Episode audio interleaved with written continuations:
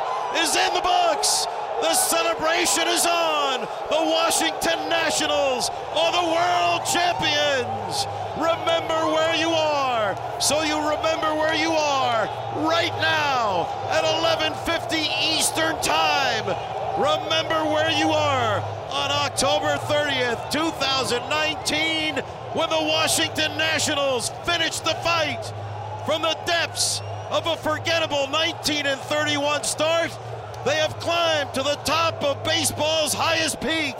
giving us all a finish to a season we will remember for the rest of our lives. The Nationals celebrate just behind the pitcher's mound. A world championship curly W is in the books. The Nationals down to nothing, six unanswered runs. They beat the Astros 6 to 2. They are the world champions of baseball. Unbelievable. Hej och välkommen till Bases loaded, en svensk podcast om Major League Baseball. Säsongen 2019 är över och eh, till slut så blev det då Washington Nationals som blev World Series-mästare för första gången i lagets historia och för första gången på 95 år så är det ett lag från Washington DC som vinner. I detta avsnitt så kommer det handla i princip bara om årets World Series här då och eh, kolla lite grann på Nationals och Astros säsonger här och mm, ja, jag kommer göra ett eh, avsnitt sen nästa vecka också där som blir ett mer sammandrag för hela säsongen 2019 där, ja, för hela ligan så, men i detta avsnitt då så blir det ju bara då Nationals och Astros. Ska jag vara helt ärlig så kändes det väl inte direkt som någon speciellt bra World Series efter de fem första matcherna, men eh, som tur var så hände det ju lite saker där i match 6 och 7. Av de fem första matcherna så var det väl egentligen bara match 1 där som var riktigt jämn hela vägen i mål. Eh, nu var väl i och för sig inte match 6 och 7 superjämna hela vägen in i nionde inningen där, men eh, det innehöll ju lite drama och intriger där som gjorde det lite mer intressant i den här matchserien. Som en neutral åskådare så hoppades jag väl nog ändå lite på att Nationals skulle vinna till slut. Det finns ju så många bra och intressanta berättelser kring spelarna här i Nationals och eh, det är inte så att jag inte unnar spelarna i Astros att vinna på något sätt, men stora delar av deras roster var ju med och vann för två år sedan. Eh, samtidigt så var det lite förväntat att de skulle vara där i årets World Series. Nationals väg dit eh, var ju allt annat än enkel och det finns väl ganska många där som man verkligen blir glad över att de äntligen får en titel. Det är kul att få se såna här spelare som Max Scherzer och eh, Steven Strasburg äntligen få vinna och eh, även spelare som Ryan Zimmerman, Nationals första draftval någonsin som lyckas hänga med här hela vägen eh, i deras historia där till deras första titel. Sen så har vi Anthony Rendon, den kanske mest tystlåtna superstjärnan i hela ligan och ja, Daniel Hudson som mot alla odds håller sig kvar i ligan och får sista outen här i match 7 och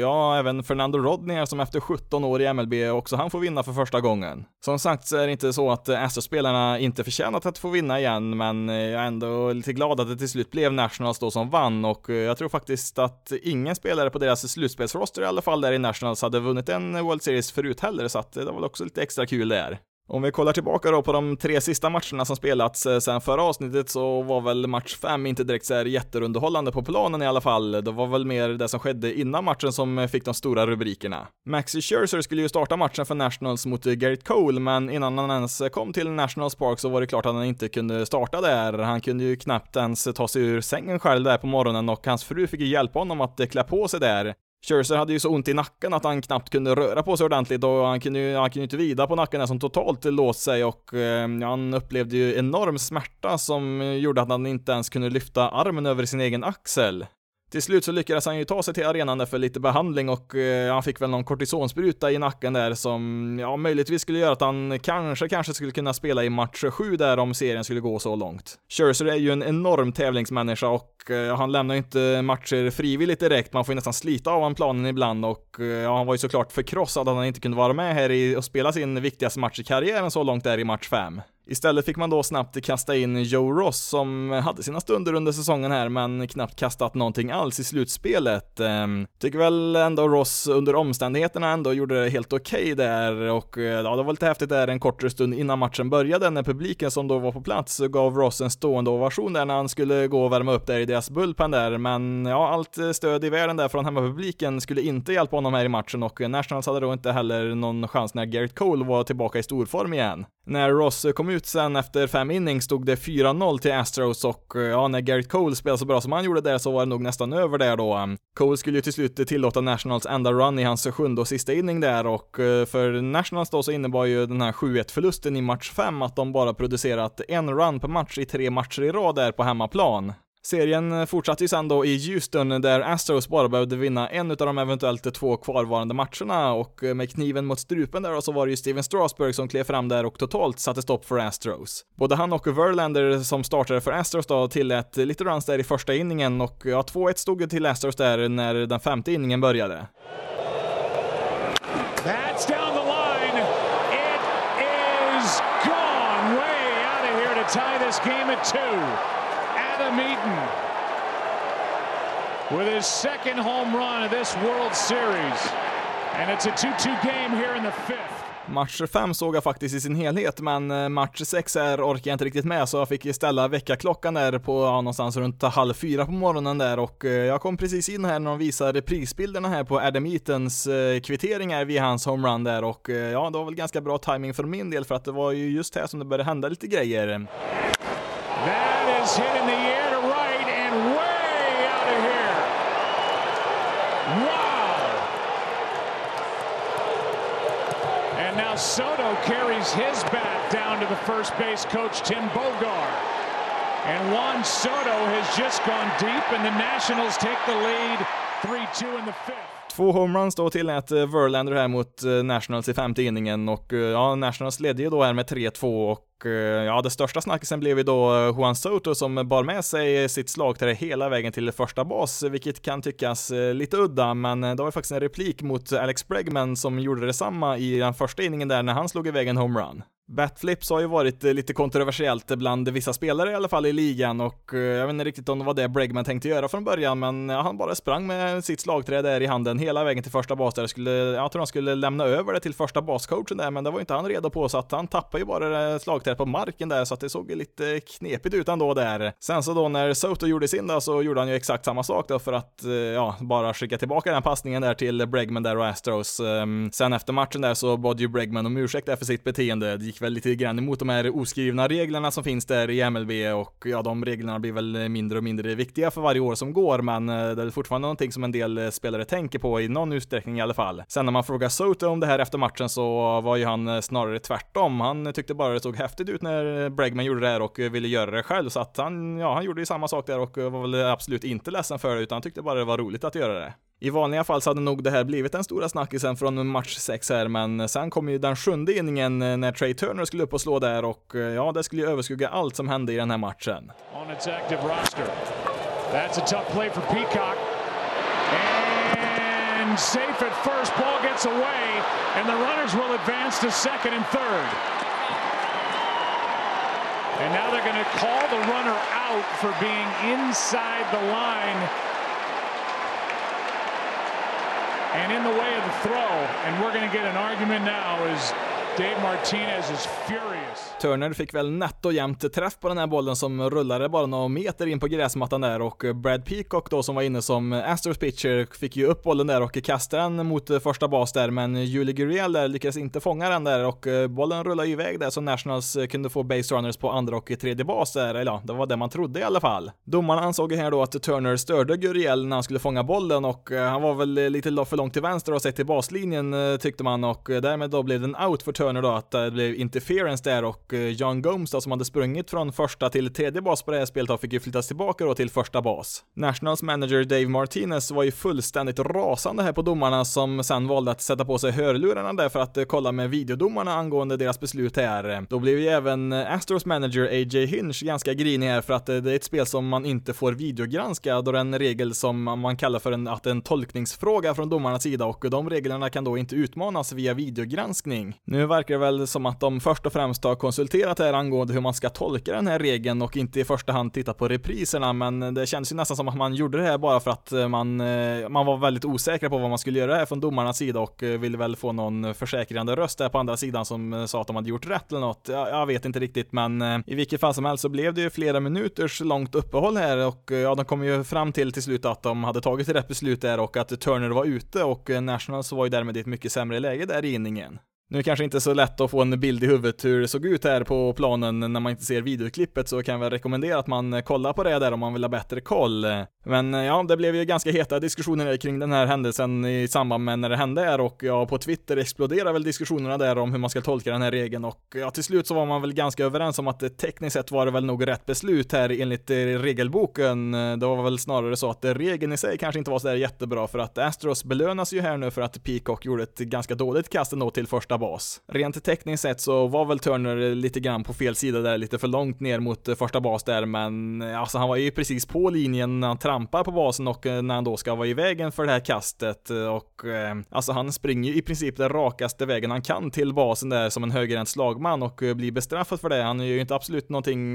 med meningar utan han springer bara så fort han kan mot första bas där och nej, det känns inte riktigt rätt även om kanske regelboken säger att han var ute där. Heta känslor då på planen som sagt och framförallt då från Nationals Dugout som inte varit nöjda med en del domarbeslut här i årets World Series, framförallt när det gäller strikezonen där de fått en del ganska tydliga missade beslut där emot sig. Men i efterhand så kanske det hjälpte de här för att i samband med det här avbrottet eh, när de diskuterade den här, det här beslutet så bytte ju Astros in Will Harris som relief pitcher och han blev ju stående där i flera minuter innan spelet kom igång igen där och eh, kanske hamnade han lite grann där i obalans där för att senare samma inning där skulle han tillåta en homerun till Anthony Rendone. Trots att Nationals var i ledningen här då efter den sjunde inningen så kom ju Dave Martinez ut där på planen mellan innings för att ta ett allvarligt snack med domarna där angående det här kontroversiella beslutet då och eh, ja, var ju så förbannad där att domarna till slut var tvungna att kasta ut honom från matchen och eh, det var första gången det hände sedan 96 i en World Series-match och eh, Nationals bench coach eh, Chip Hale fick ju nästan, ja det såg ut som han fick spela lite amerikansk fotboll där försöka knuffa bort Dave Martinez från domarna där innan han sa något alldeles för dumt där. Han var ju helt skogstokig där men ja, Martinez var ju som en ångvält där och tog sig förbi Chip Hale där och blev till slut utkastad där från matchen. Steven Strasburg då som tillät två runs i den första inningen där var efter det fullständigt lysande här i matchen och det såg ut ganska länge där som att han skulle bli en av väldigt få spelare på senare tid i MLB-historien att ta sig igenom alla nio innings som en starting pitcher i en World Series. Ehm, men efter en out där i den nionde inningen där så plockades han ut där för att låta Sean Doolittle få ut de sista Astros-spelarna där och slutresultatet blev till slut då 7-2 till Nationals. Detta var ju då Strasburgs femte start i slutspelet och Nationals har ju vunnit alla de matcherna och eh, hans ERA i slutspelssammanhang eh, ligger ju nu någonstans runt en och en halv där, så han har varit riktigt vass i slutspelsmatcherna, även de som han spelat eh, tidigare i år också. Hans motpart i Astros, eh, Justin Verlander, åkte ju på ytterligare en förlust här i en World Series-match. Verlander har ju kastat väldigt bra i andra slutspelsmatcher, men på något sätt så har han ju faktiskt aldrig vunnit en enda World Series-match som han har spelat och ja, det blir ju bara fem innings för honom här i match 6 och det är nog mycket möjligt att han är ganska slutkörd här. Ingen har ju kastat mer än vad Verlander har gjort i år här i hela hela MLB, så att eh, det är väl kanske naturligt att han är ganska sliten så här långt in på säsongen, men ehm, ja, vad det än beror på så förlorar ju Astros båda matcherna som Verland startar här mot Nationals. Tillbaka då till Max Scherzer så fick ju han konstant behandling under de här dagarna efter att hans snack eh, låste sig där och eh, ja, innan match 6 här så kastade han lite på gräsmattan där i Minute Maid Park och när matchen sen var över så kom ju nyheten ut där att Scherzer hade gett tummen upp där till Dave Martinez så att han var redo där att starta i match 7. Då var ju den stora frågan om detta var något positivt för Nationals eller inte. Istället för att det startade Annabel Sanchez eller Patrick Corbin fick man då istället använda Max Scherzer, vilket såklart låter bra, men ingen visste väl riktigt i vilken form man skulle vara och om man verkligen skulle klara av att utsätta kroppen för den intensitet som krävs för att kasta i en sån här match. Dessutom fick man ju stryka Kurt Suzuki, deras catcher från deras lineup nära in på matchen där, då han själv hade lite skador där. Med Suzuki som catcher så har ju Scherzer en ERA på 2 i år och eh, med John Gomes då som istället fick starta så ligger Scherzers ERA på 4 den här säsongen, så att eh, det var väl kanske inte heller riktigt optimalt där. Astros eh, hade ju då Zach Greinke som deras starting pitcher och ja, det har väl gått bättre och bättre för honom i årets slutspel ju längre det har gått här, men han har väl inte direkt dominerat i någon av matcherna, men det gjorde han dock mot Nationals här i match 7 där han överraskande lätt tog slogs igenom deras, eh, deras lineup där inning efter inning med knappt några tillåtna hits alls. Scherzer hade det däremot betydligt tuffare. Han hade ju hastigheten på bollarna han kastade, men eh, kontrollen var väl inte riktigt eh, där man kunde önska där och eh, ja, Scherzer hade ju 11 base runners här tillät den till Astros, men de fick ju bara till två runs mot honom där. Astros-spelarna fick ju ganska ofta bra och kontakt med bollarna där som, ja, dels gav ju en hel del hits och sen så hade man väl lite flyt där från Nationals sida att en del av de här bollarna hamnade precis på rätt ställe där det stod försvarsspelare, men det var ju flera gånger som Astros hade två base runners samtidigt där på planen och eh, ja, efter tre innings så var ju Scherzers pitch count nästan dubbelt jämfört med Grenkis. Men som sagt då, på något sätt så lyckades ju Scherzer att ta sig ur knipan här flera gånger om och begränsade ju skadan då till bara två runs där på hans eh, fem innings. Zach Greinke då, mm, ja det såg faktiskt ut som han kanske skulle bli matchhjälten här i match 7 för Astros, eh, men sen så föll det samman där i den sjunde inningen när Nationals gjorde det de gjort så många gånger förut, vända underlägen i de avgörande matcherna. That is a rocket to left and the lead is cut in half. Rendon makes it two to one.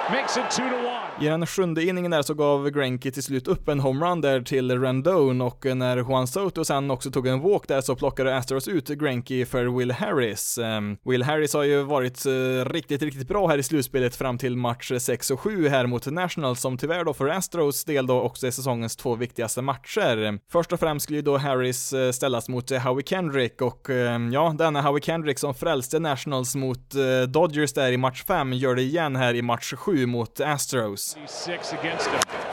That's down the right field line into the corner. This ball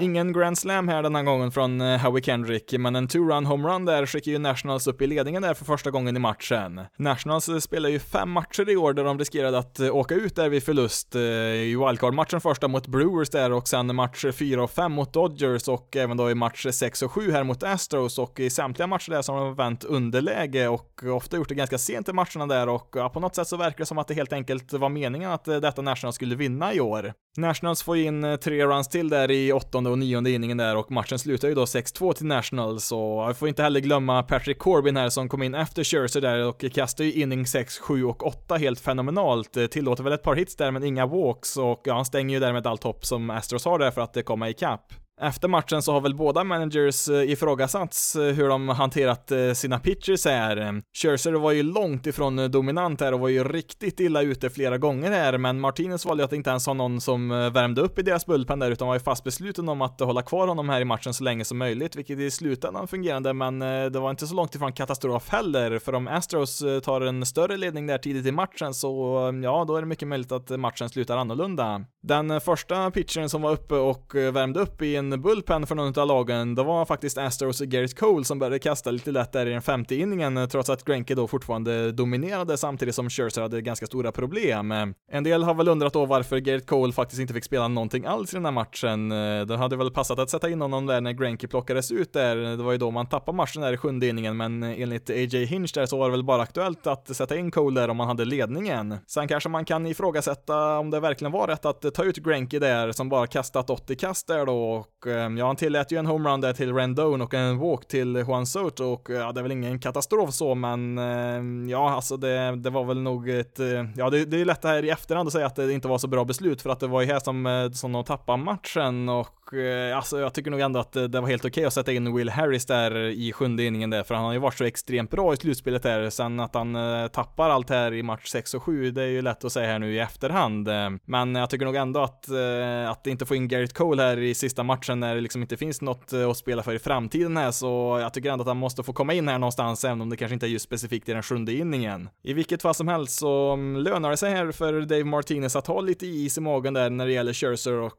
jag höll kvar honom honom där ganska länge där trots sina svårigheter och eh, ja, Hinch hade väl nästan eh, motsatt reaktion där och plockade ut Granky så fort han stötte på problem för första gången i matchen och mm, ja, alltså man kan inte skylla allt för mycket på AJ Hinch här. Han använde ju sina mest pålitliga relief pitchers här i match 7 och eh, alla utom Ryan Presley tillät ju minst en run här så att det var inte riktigt deras dag då och synd bara för dem då att det var i match 7 där den avgörande matchen. Till sist så är väl kanske det mest absurda här hur varenda match vinns utav bortalaget i den här serien. Det var ju rekord redan efter de sex första matcherna. Ingen matchserie i bästa sju matcher hade slutat med sex bortavinster i vare sig MLB, NBA eller NHL för den delen och här vinner då bortalaget i alla sju matcher. Nu är väl kanske hemmaplan kanske inte sån här jättestor fördel, men något lite tycker man ändå att det borde göra, men hur som helst så var det absolut inte någon avgörande faktor i det här mötet. Men med det sagt så var det faktiskt det sjätte året i rad som det vinnande laget avgör på bortaplan.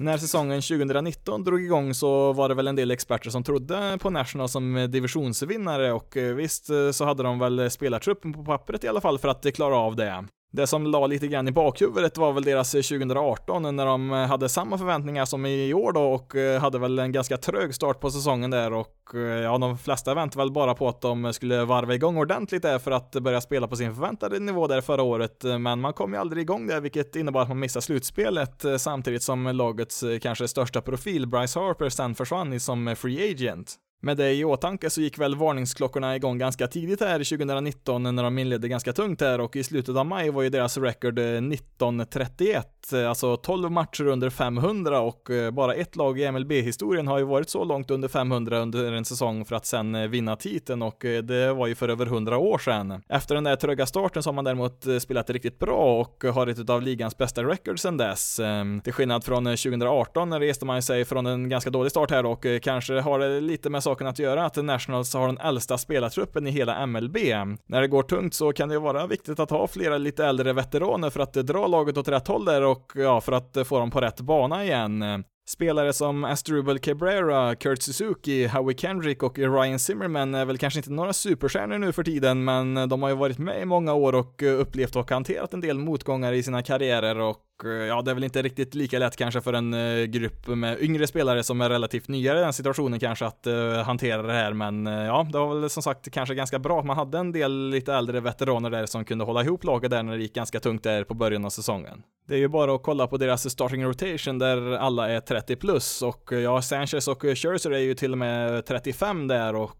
ja, MLB har ju på många sätt haft en tydlig trend som går mot yngre spelare, vilket eh, kanske gör det lite äldre veteranerna lite underskattade och eh, ja, Nationals har ju precis bevisat att det, det går ju att vinna med en äldre roster också.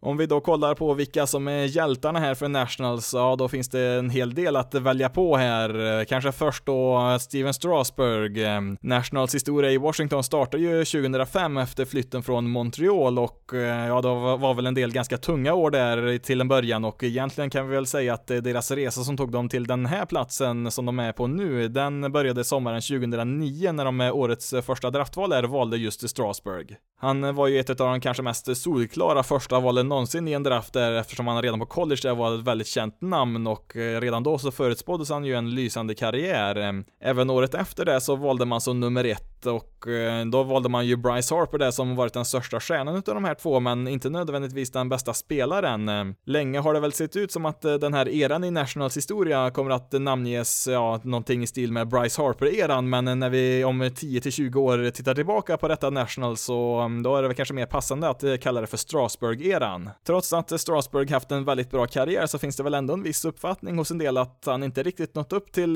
de förväntningar som fanns på honom. Det är väl kanske lite orättvist, men framgångarna i slutspelet har ju uteblivit för National som lag och har väl säkert inverkat en del på hans anseende, vilket återigen då är väl lite orättvist. Ehm, det var ju också en väldigt omtalad historia för ett antal år sedan när han nådde sin inningsgräns där innan slutspelet, eh, där han eh, valde, eller ja, det var inte hans beslut själv där, utan det var väl laget som eh, beslutade att vara försiktiga med hans arm där och stängde ner han för säsongen där som gjorde att han inte fick spela alls där i oktober när de nådde slutspelet. Ehm, det året så blev det ju ett tidigt uttåg ur slutspelet för Nationals Nationals, vilket såklart gjorde att eh, Strasburgs eh, frånvaro ifrågasattes ännu mer. Nu i efterhand så kanske det ändå var en bra idé där att eh, vila honom där, för att han har ju kastat riktigt bra sedan dess och ja, nu så har han ju varit en av de viktigaste spelarna i Nationals när de till slut vann sin titel här. Han har ju också rätt här nu efter säsongen att bryta sitt eh, kontrakt här och med tanke på hur bra han har varit i år så finns det nog en rätt hygglig chans att han eh, blir en free agent här nu om inte han och eh, Nationals kan komma överens om en ny förlängning här. Men i vilket fall som helst så kommer ju Strasburg alltid vara en hjälte för Washington Nationals-fansen där för att han har ju som sagt varit en av de absolut viktigaste spelarna här i Nationals i 2019. Strasburg och eh, Scherzer startade ju fem matcher vardera här i slutspelet och av de matcherna så vann ju Nationals alla tio. Scherzer som hunnit eh, fylla 35 var väl kanske inte riktigt på samma nivå som Strasburg här i slutspelet eh, och sen har han väl i och för sig också kämpat mot diverse skador här i år men har ju trots det även han varit en av deras viktigaste spelare i år på väg mot titeln här. Scherzer har ju tre Cy Young-titlar och har väl egentligen uppnått allt nu när han även fick bli World Series-mästare och Ja, eh, han kommer ju med största sannolikhet att eh, väljas in till Hall of Fame där ganska snart efter att han pensionerar sig. De här riktigt stora monsterkontrakten i MLB har väl på senare tid varit något av ett lotteri hur de kommer att utspela sig, men Scherzers 210 miljoner dollar har väl varit en, eh, ja, inte av de mest lyckade free agent-värvningarna någonsin. Sen så har väl övriga laget runt omkring honom inte direkt varit så hjälpsamma med att ta dem långt in i slutspelet då innan årets säsong. Även om Scherzer inte var speciellt dominant mot Astros är så, um, ja, när han pensionerar sig och vi tittar tillbaka på hans karriär så kommer en av de absoluta höjdpunkterna vara just, eh, ja, framförallt då slutet på den här serien när han, ja, ena dagen inte kan klä på sig själv där och missa match 5 för att sen bara några dagar senare kasta fem innings i avgörande match 7.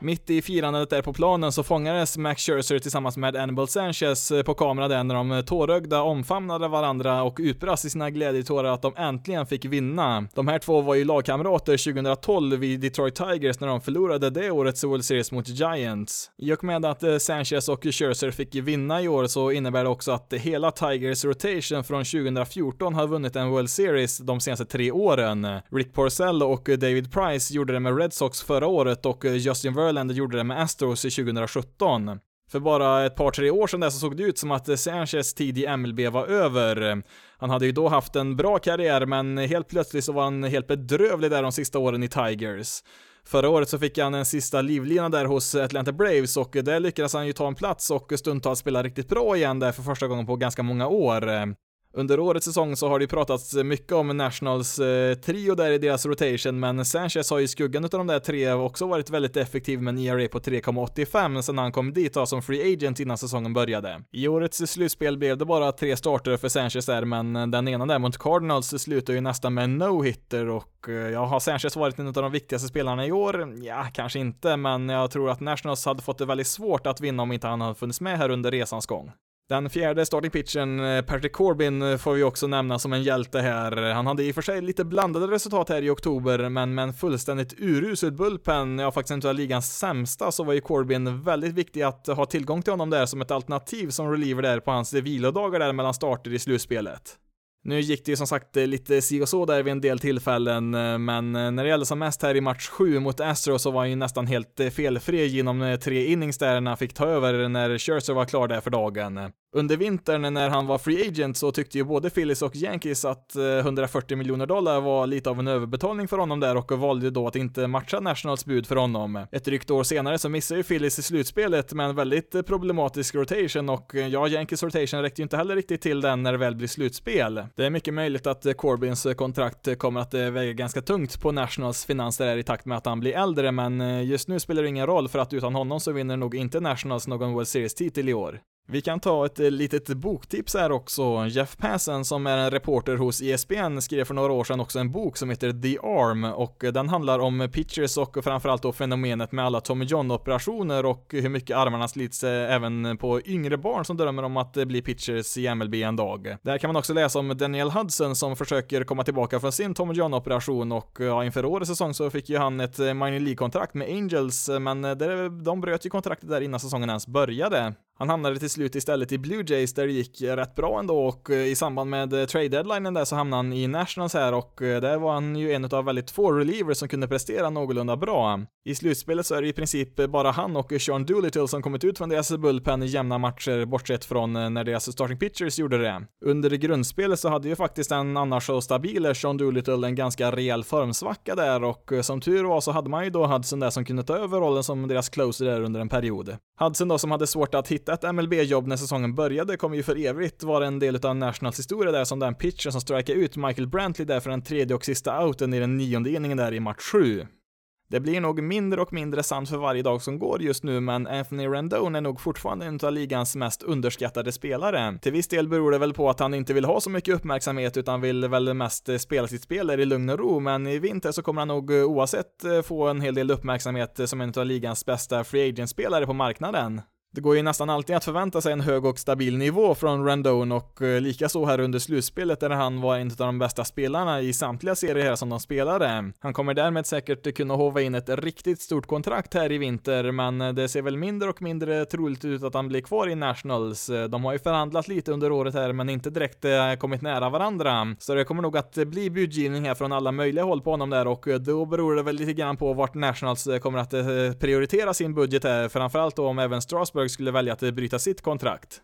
Sen så har vi då även den nyblivne 21-åringen Juan Soto som slog igenom med dunder och brak eh, redan förra året, eh, men har ju redan nu blivit en av ligans vassaste offensiva spelare. Den eh, nya generationen av yngre spelare vill ju höras och synas mycket mer än deras föregångare och ja, där passar ju absolut Soto in med sin Soto Shuffle där han är uppe och slår och ja, han har ju visat här även i slutspelet att han inte direkt är rädd för att tänja lite på gränserna för vart de här oskrivna reglerna går. Med en enda sving där så tog han ju Nationals från underläge till vinst i wildcard-matchen och han terroriserade ju Dodgers pitchers i fem matcher där mot dem där och eh, ja, mot Cardinals var han i och för sig inte så där jättebra, men det spelar inte så stor roll i slutändan då man totalt körde över dem där i den matchserien. Mot Astros så var han ju enorm igen där med tre homeruns i den serien och eh, ja, han är ju som sagt bara 21 år och eh, sätter ju redan skräck i ligans pitchers. När Bryce Harper lämnade i vintras så undrar väl en del hur deras outfield skulle se ut efter honom där och ehm, ja, Soto är väl eh, just nu helt klart en bättre spelare än vad Harper är och eh, Victor Robles gjorde väl ett stabilt intryck där i centerfield under sin första säsong som ordinarie spelare och eh, ja, Adam Eaton där i right field är väl sällan spektakulär men i slutspelet så blev han ju bara bättre och bättre. Mot Astros så var ju Eatons siffror minst lika bra som Soto och Randones och ja, Eaton verkar ju nästan alltid få till en hit eller walk där när det verkligen behövdes här mot Astros och han förtjänar ju en betydligt betydligt mer beröm än vad han har fått där. Det har ju handlat mest om Soto och Randone där bland deras position players, men Eaton har ju varit minst lika viktig han här i serien mot Astros. Vi kan ju inte heller hoppa över Howie Kendrick som faktiskt förra året ryckte av hälsenan där och eh, det var väl lite frågetecken om han skulle kunna komma tillbaka eller inte och ja, spelare som honom då som är närmare 40 än vad de är 30 har väl ganska svårt att hitta en plats i dagens MLB, men i National så svarar han faktiskt för sin bästa offensiva säsong i karriären 2019. Nu hade han väl i och för sig bara 370 plate appearances eh, så att han räknas ju inte som en qualified hitter, men han svarade ändå för ett betting average på 3.44 i grundspelet och i slutspelet hade han ju några av årets absolut absolut viktigaste hits, inte allra minst då hans Grand Slam där i match 5 mot Dodgers där i extra innings och eh, hans eh, homerun där i match 7 mot Astros där gav ju dem eh, en ledning där som de skulle hålla i matchen ut. Till slut vill jag också nämna Ryan Zimmerman som, ja, jag sa ju där förut att eh, starten för det här nuvarande laget kanske var 2009 när Strasbourg draftades, eh, men det var väl kanske lite grann en sanning med viss modifikation där då Zimmerman eh, var ju lagets första draftval där 2005 och har ju funnits med där hela vägen sedan de kom till Washington då han fick debutera där senare samma år som han draftades. Zimmerman fick ju spela alla de där dåliga, tråkiga åren där innan den nya kärnan med Strasburg och Harper var redo där att bidra på MLB-nivå och eh, har ju verkligen sett den här organisationen gå igenom nästan allt. Var han en nyckelspelare då i årets slutspel? Eh, Nej, det kan jag väl inte direkt påstå. Han spelar väl okej okay, så hade väl i och för sig någon eh, ganska viktig homerun där mot eh, Dodgers där, men som jag sa tidigare så är väl kanske hans närvaro i truppen mer värd än hans fysiska bidrag på planen och ja, veteranerna i laget har ju som sagt spelat sin roll här i detta lagbygge, även om de inte kanske alla är superstjärnor längre. Zimmerman kommer ju att vara free agent här nu efter säsongen, eller ja, det är väl inte helt garanterat, men han har en klubboption här värd 20 miljoner dollar för nästa år här och Eh, han är ju inte någon sån här jättebra spelare längre så att den kommer ju Nationals nästan garanterat att eh, tacka nej till det så att han kommer ju vara free agent här nu efter säsongen och eh, ja, 35 år gammal så kanske han passar på att pensionera sig när han faktiskt är på toppen här. 2019 var helt enkelt Nationals år, men vi ska inte sitta här och tro att de var någon väldigt stor underdog här för att de har ju ett väldigt bra lag. Sen kanske de inte är riktigt lika bra som Dodgers eller Astros är över 162 matcher. De var helt enkelt bäst när det gällde här i år och i slutspelet här så spelar man ju tre matcher där det var vinna eller försvinna för båda lagen och eh, ja, mot Brewers där i wildcard-matchen var man bara fyra outs eh, från att åka ut där med Josh Hader inne i matchen. I match fem mot Dodgers så var man ju underläge där sent med två runs där med Clayton Kershaw på planen. Sen i match sju där mot Astros så var man ju återigen i underläge där inför den eh, sjunde inningen där med en dominant Zack Zach Greinke där i vägen, men på något sätt så har ju Nationals lyckats ta sig hela vägen fram till lagets allra första World Series titel. Vad som händer nästa år är väl ganska oklart för Nationals då två av deras viktigaste spelare, Rendon och Strasburg, potentiellt kan försvinna som free agents. Sen så har vi även ganska många äldre veteraner då som Zimmerman, Cabrera, Kendrick, Hudson och Gerardo Parra som också är utan kontrakt nästa år och eh, vi kanske får se ett ganska annorlunda Washington Nationals eh, 2020 men jag räknar nog ändå med att de kommer vara med där som konkurrenter i divisionen där även nästa år.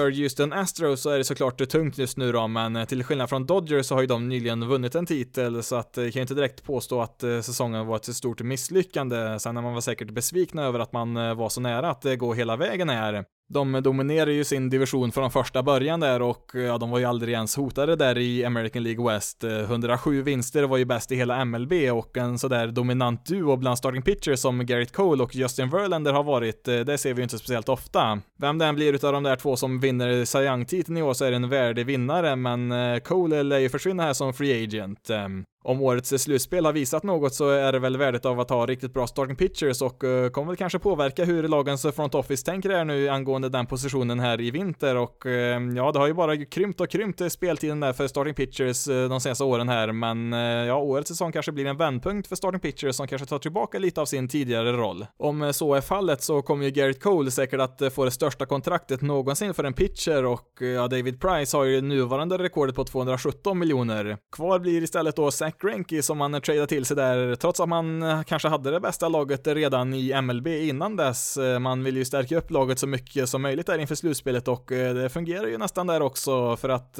trots att han var ganska svajig där i oktober så såg han ut att bli matchhjälte där ganska länge i match 7 och hade man till slut vunnit den där sista matchen så hade det ju allt varit värt det där att trada till sig honom där för man tradade ju bort ganska mycket duktiga prospects där för honom. Greinke som fyllde 36 ganska nyligen här har ju två år kvar på sitt kontrakt att visa att han är värd investeringen där och eh, han kommer ju utgöra en väldigt rutinerad toppduo där med Verlander nästa år. Under året så var ju den stora storyn kring Yankees alla deras skador och eh, med all rätt också, men även Astros hade ju en hel del skador här under året, eh, även om det kanske inte var riktigt lika extremt där, men Jose Altuve, George Springer och Carlos Correa missade ju delar av säsongen och Ryan Presley där i deras bullpen fick ju göra en knäoperation där mot slutet av säsongen. Just deras bullpen var väl kanske den lite sämre delen av deras eh, lagbygg, lagbygge. Den var ju fortfarande väldigt bra, men till skillnad från många andra delar av laget så var de väl kanske inte en av ligans bättre så. Men med det sagt så kändes det väl inte direkt som att deras bullpen skulle vara någon säkerhetsbrist här i slutspelet. Eh, de är absolut tillräckligt bra för att gå hela vägen där, men sen då i match 6 och 7 där när det gäller som mest där mot National så tillåter de ju 8 runs på de två matcherna där som blir direkt avgörande för den här matchserien. Astros kommer ju i princip eh, så nära man kan komma titeln här i år, eh, men Nationals var ju helt enkelt marginellt vassare här när det gällde som mest och eh, jag tycker fortfarande Astros och Dodgers har en bättre spelartrupp än Nationals har, men ja, i slutspel så handlar det inte om vilket lag som är bäst över en hel säsong, det handlar om de lag som lyckas vinna en matchserie åt gången. Astros eh, farmsystem har ju tunnats ut en hel del här med åren eh, efter att eh, dels ha producerat så många talanger som nu är med i deras MLB-roster och dels via framförallt traden med Zach Greinke här i somras så försvann ju också en hel del prospects. Det kommer väl också att bli lite problem ekonomiskt här om de vill behålla alla sina stjärnspelare. Det är väl egentligen bara Jordan Alvarez där som har ett rookie-kontrakt. Resten av spelarna sitter ju på ökande arbitration-löner eller på ganska välavlönade kontrakt. Även om man då inte längre behöver betala för Garrett Cole så kommer deras löner öka ganska mycket här nu nästa år om de ska ha kvar alla sina nuvarande spelare då och eh, ja, pengar finns ju säkert där men eh, sen finns det ju ingen garanti att ägaren vill spendera där över lyxskattegränsen som man kommer gå över där eh, som det ser ut just nu 2020 med sin nuvarande roster. Trots de här bekymren då så kommer ju Astros fortsätta vara storfavoriter i American League West där även nästa år. Det är väl då om Oakland skulle kunna störa dem lite grann där, men jag tror nog ändå att Astros fixar det även nästa år. Men det är lite grann så här det blir när ens egna prospects eh, blir äldre och äldre och inte längre tjänar minimilönen där, utan eh, när de blir äldre så blir det ju såklart svårare att behålla alla där och eh, det är väl bra det också så att inte samma lag ska vara de bästa hela tiden där, så att man måste ju se till att få fram nya talanger hela tiden där och ja, nu är väl Astros Astros ganska bra på det så de kanske kan lösa det här ändå till slut. Som sagt så är det väl så här direkt efter World Series-förlusten ganska tungt för Astros och deras fans här, men eh, jag tycker nog ändå på det stora hela att man får vara nöjd med sin insats i år här, även om man kanske inte riktigt eh, kom upp i sin högsta nivå här i slutspelet eh, och ja, jag tror nog att de blir att räkna med även nästa år. Då får det nog räcka där för det här avsnittet. Det blir två stycken denna vecka och jag har ett till avsnitt här innan vi rundar av säsongen här 2019, men vi får se lite grann när det kommer här. Jag har ju som mål såklart att få ut det här på måndag som vanligt, men det kommer nog bli ett eh, ganska långt avsnitt skulle jag tro när vi sammanfattar hela säsongen där, så att det kan möjligtvis bli så att det kommer komma lite senare här nästa vecka. Du kan följa Basis loaded på Twitter, Facebook och Instagram. Då kan du leta upp länkarna som finns med i beskrivningen på detta avsnitt eller så letar du upp basisloaded.se på de ställena. Du kan även mejla till basisloaded.se gmail.com gmail.com. Om du har har tid, lust och möjlighet att betygsätta och skriva ett omdöme om den här podcasten på Apple Podcast eller iTunes så skulle jag vara jättetacksam för det, för det hjälper andra att hitta den här podcasten. Men nu har jag pratat tillräckligt för idag. Mitt namn är Jonathan Fabri. Tack så jättemycket för att du har lyssnat på Basis loaded. Ni får ha det så bra där ute så hörs vi i nästa avsnitt.